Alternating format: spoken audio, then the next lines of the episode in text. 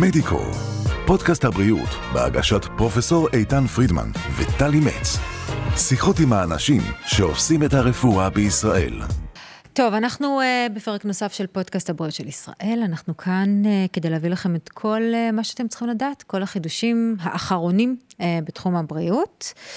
ואנחנו כבר צוללים פנימה אל הנושא הבא שלנו, שנוגע ללא מעט אנשים ששומעים אה, וצופים בנו עכשיו, והוא של פוחית רגיזה. שלום, אה, פרופסור קובי סתיו, מנהל היחידה לנוירולוגיה במרכז הרפואי שמיר, אסף הרופא, מה העניינים? תודה, שלום. אהלן. טוב, בואו נתחיל קודם כל בלהבין מהי שלפוחית רגיזה. שלפוחית רגיזה היא תסמונת קלינית שמתבטאת אה, בדחיפות במתן שתן, דהיינו, יש לי תחושה שאני צריך ללכת להתרוקן, ואני לא יכול לדחות את זה, אני חייב ללכת עכשיו. עכשיו. כן. אה, יש סימפטומים נלווים נוספים, כגון דחיפות במתן שתן, גם ביום, גם בלילה, ושליש מהחולים גם אה, סובלים מדליפת שתן לא רצונית. זה דליפת שתן שקורית בדחיפות. אני מרגיש שיש לי עכשיו, ואני לא יכול לדחות את זה ובורח פיפי. וואו, איזה לא נעים זה. זה נורא, זה ממש פוגע שפוגעת באיכ... מאוד כן. באיכות החיים. אה, של כמה אנשים? על כמה אנשים אנחנו מדברים? אנחנו מדברים ב...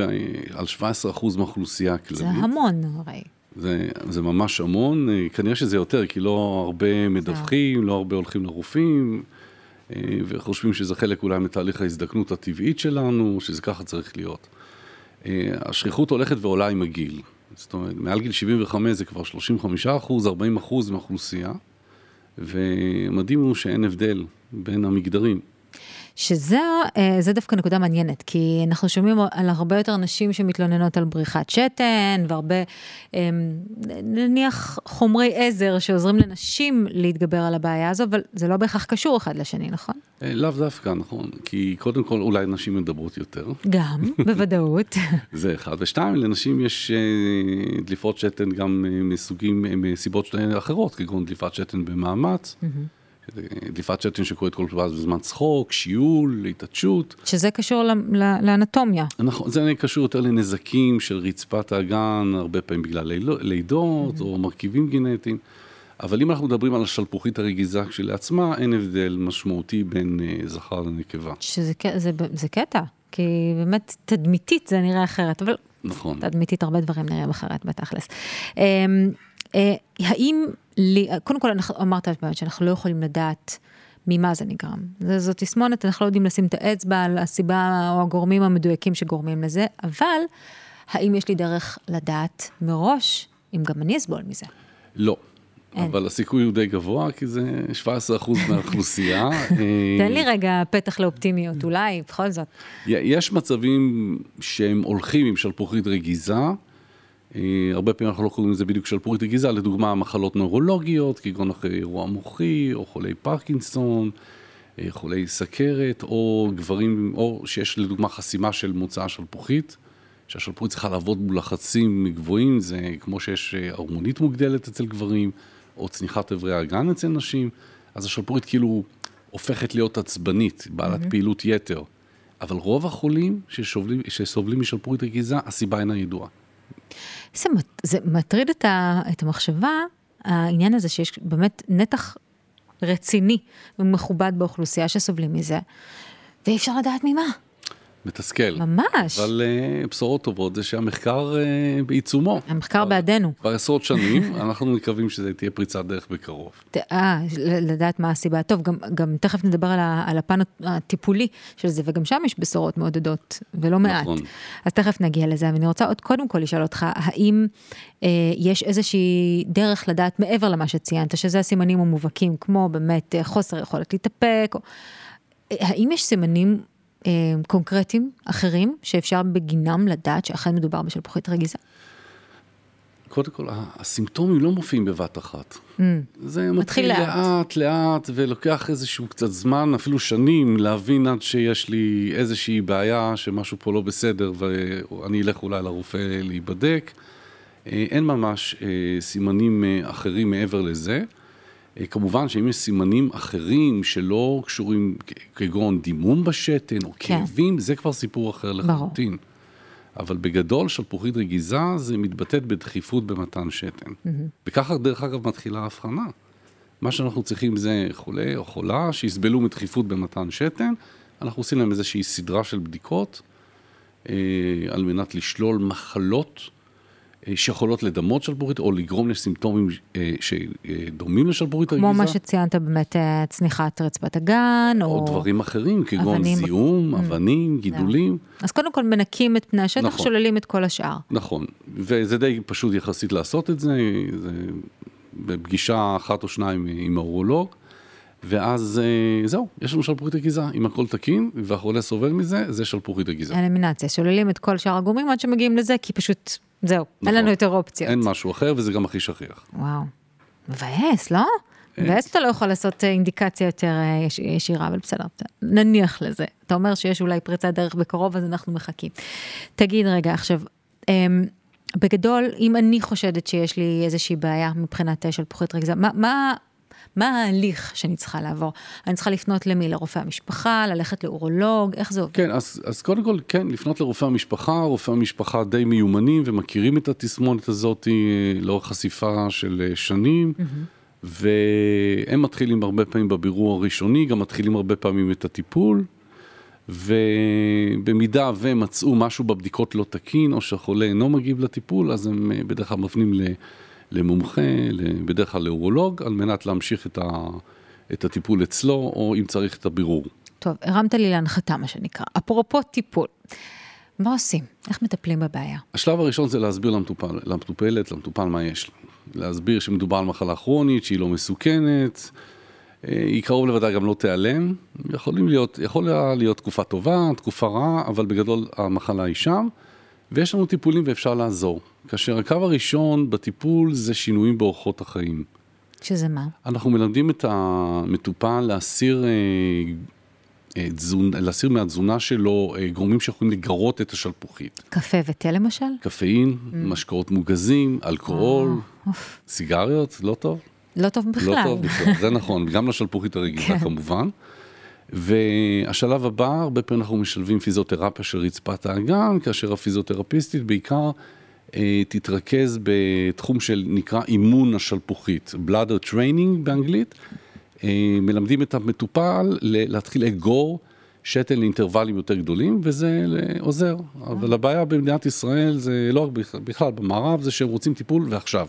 כן, עכשיו מה הפיזיותרפיה, תרגולים ולחיצות ועניינים? נכון, וחבל, כי, כי זה יכול מאוד לעזור, יש מחקרים בסקנדינביה, ששם החולים מאוד ממושמעים. שזה... איפה הלכת עכשיו? יש לנו את הנחת רוח של הסקנדינבים. אנחנו רוצים עכשיו, אנחנו רוצים היום בבוקר כבר, אתמול אם אפשר. נכון, ואז אה, אנחנו עוברים די מהר לקו הטיפולי הבא, שזה תרופות. Mm-hmm.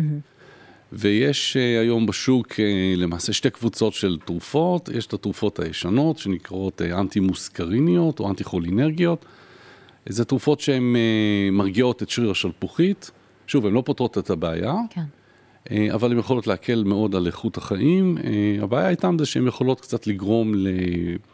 לתופעות לוואי, כגון פה יבש, עצירות, טשטוש ראייה. בחולה מבוגר, במיוחד שאם הוא לוקח עוד הרבה תרופות, זה יכול גם לגרום אה, קצת לפגיעה בקוגניציה. זה מחיר די כבד לשלם עבור... כן, אבל, אבל שוב, אני אומר, זה צריך אה, לקחת את זה בפרופורציה. הסיבוכים הם לא... אה, זה יכול לקרות, אבל זה פוטנציאלית, אבל זה לא קורה ברוב החולים. אוקיי. אה, הקבוצה החדשה, שלשמחתנו גם נכנסה לסל הבריאות לפני כשנתיים בערך, היא קבוצה שנקראת בטא 3 אגוניס, זה גם כן תרופה ש... תרופות שמרגיעות את, קרוב, עכשיו, נכון עכשיו יש רק כרגע תרופה אחת שנמצאת בארץ, אבל התרופות האלה גם כן מרגיעות את שריר השלפוחית, והפרופיל התופעות לוואי שלהם הוא הרבה יותר בטוח, אין להם את כל התופעות ש... שדיברנו עליהם, יש להם גם תופעות לוואי, אבל או. בשכיחות הרבה יותר נמוכה. וזה אפילו בסל. נכון, וזאת אה. אחת מהבשורות הטובות שצריך לדעת, כי יש הרבה אנשים שקיבלו בעבר את התרופות הישנות, ופשוט לא באים יותר לרופאים, כי הם אומרים, מה ייתנו לי? את אותה תרופה שכבר עשתה לי את זה ואת זה, אז צריך לדעת שיש גם תרופה חדשה, שלשמחתנו זמינה לכולם. אה, גם זמינה לכולם, אבל אני תוהה, איך אתה יודע להתאים אה, תרופה נכונה למטופל? בהתאם למה? אז קודם כל בהתאם לגילו, בהתאם לחומרה שלו, אפשר להציג לו את שני, ה, את שתי האופציות של התרופות הישנות מול התרופה החדשה. לדוגמה, תרופה חדשה אה, שדיברנו עליה, אסור לתת, אה, אסור לתת אותה עם לחצי הדם מאוד גבוהים, מעל 180, mm. או שלחצי הדם מאוזן. כבר פוסל את המטופל הפוטנציאלי. כן, אבל לשמחתנו רוב החולים במדינת ישראל, גם שיש להם יתר לחץ דם, ברובו מאוזן, הם מקבלים תרופות והכל טוב ויפה. אז למעשה, מכיוון שהתרופה הזאת היא בסל, אז אפשר גם להתחיל איתה מיד בקו ראשון, טיפולי התרופתי, mm-hmm. כמו שאר התרופות. ומעבר לזה, יש עוד איזה משהו שיכול לעזור? אנחנו מדברים על פיזיותרפיה, אנחנו מדברים על טיפול תרופתי שיש לו תופעות לוואי מסוימות. כן, אז אנחנו צריכים להבין שהרבה חולים מפסיקים את הטיפולים. Mm. או בגלל תופעות לוואי, או בגלל שהתרופה לא עבדה כמו שהם ציפו ש... שהיא תעבוד. כשאנחנו לוקחים תרופה, אנחנו מצפים שצ'יק צ'אק, הכל ייפתר. כמו אקמול. נכון, אבל פה מדובר על מחלה כרונית שאנחנו עדיין לא יודעים איך לפתור אותה לחלוטין, אבל יודעים להקל על איכות החיים. אז אם התרופות לא עזרו, אנחנו עוברים לקו טיפולי פולשני, אמנם זה נקרא זעיר פולשני, יש לנו את האופציה שבה אנחנו מזריקים את הבוטוקס לשריר השלפוחית. אה, הבוטוקס, אה, כידוע, הוא מרגיע שרירים, מרפא אותם, אז הוא יכול גם לעשות את זה לשריר השלפוחית. יש לי הרגשה שיש פה אבל. כן, יש אבל, אה, זו פעולה אה, פולשנית. אנחנו צריכים להיכנס לתוך השלפוחית, דרך השופחה, עם ציוד אנדוסקופי, להזריק את הבוטוקס עם מחט לתוך השלפוחית, ואבל נוסף זה שזה זמני. זאת אומרת, צריך לחזור על הטיפול אחרי... נכון, אם זה עוזר, זה עוזר לשישה, תשעה חודשים, ועוד אבל שזה יכול גם לגרום לעצירת שתן. זהו, זה משתק לגמרי את, נכון, את המערכת. נכון, יש אחוז בודד של חולים שפשוט נכנסים לעצירת שתן ולא משתינים, ואז צריך קטטר לאיזושהי תקופה מסוימת, ועוד מינוס, לצערנו, שזה בסל הבריאות רק לחולי טרשת נפוצה או נפגעי עמוד שדרה. Mm, אז כל השאר צריכים לשלם מכיסם. או, או ש... נכון, או להפעיל ביטוחים פרטיים במדינת ישראל. Mm. יש, אה, יש טיפול זעיר פולשני נוסף, שהוא נקרא קוצב הסקרלי, סקרל נור מודוליישן, שמאושר FDA למעלה מ-20 שנה כבר. יש כבר כמה דורות. לשמחתנו גם הוא נכנס לסל הבריאות בשנה האחרונה. כן, עוד בשורה, זה סוג של... לוביסטים חזקים בתחום. סוג של אלקטרודה שאנחנו משתילים מתחת לעמוד השדרה, שהיא מחוברת לאיזשהו device אלקטרוני, למעשה קוצב, שנותן פולסים למערכת העצבים, והיא מסדירה את הפעילות של השלפוחית. אפשר לדבר עם הקוצב הזה באמצעות אה, שלט שנראה כמו טלפון. כמו סירי כזה? כן, זה נראה כמו אייפון, את האמת, ואפשר לשנות תוכנות, עוצמות, ממש מדע בדיוני, והוא כאן, ולשמחתנו גם הוא זמין בסל הבריאות. תשמע, לא יכולתי לאחל בשורה טובה יותר עבור אלו שסובלים משלפוחית רגזה, במיוחד כשהם נתח כל כך משמעותי באוכלוסייה.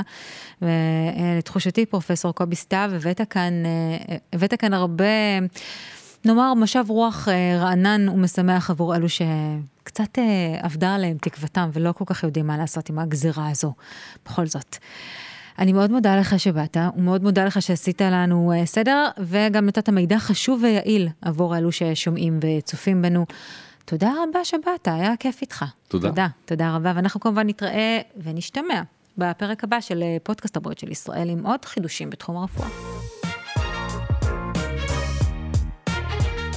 מדיקו, פודקאסט הבריאות של ישראל, בהגשת פרופסור איתן פרידמן וטלי מצ. עקבו אחרינו בספוטיפיי, אפל פודקאסט, גוגל ויוטיוב.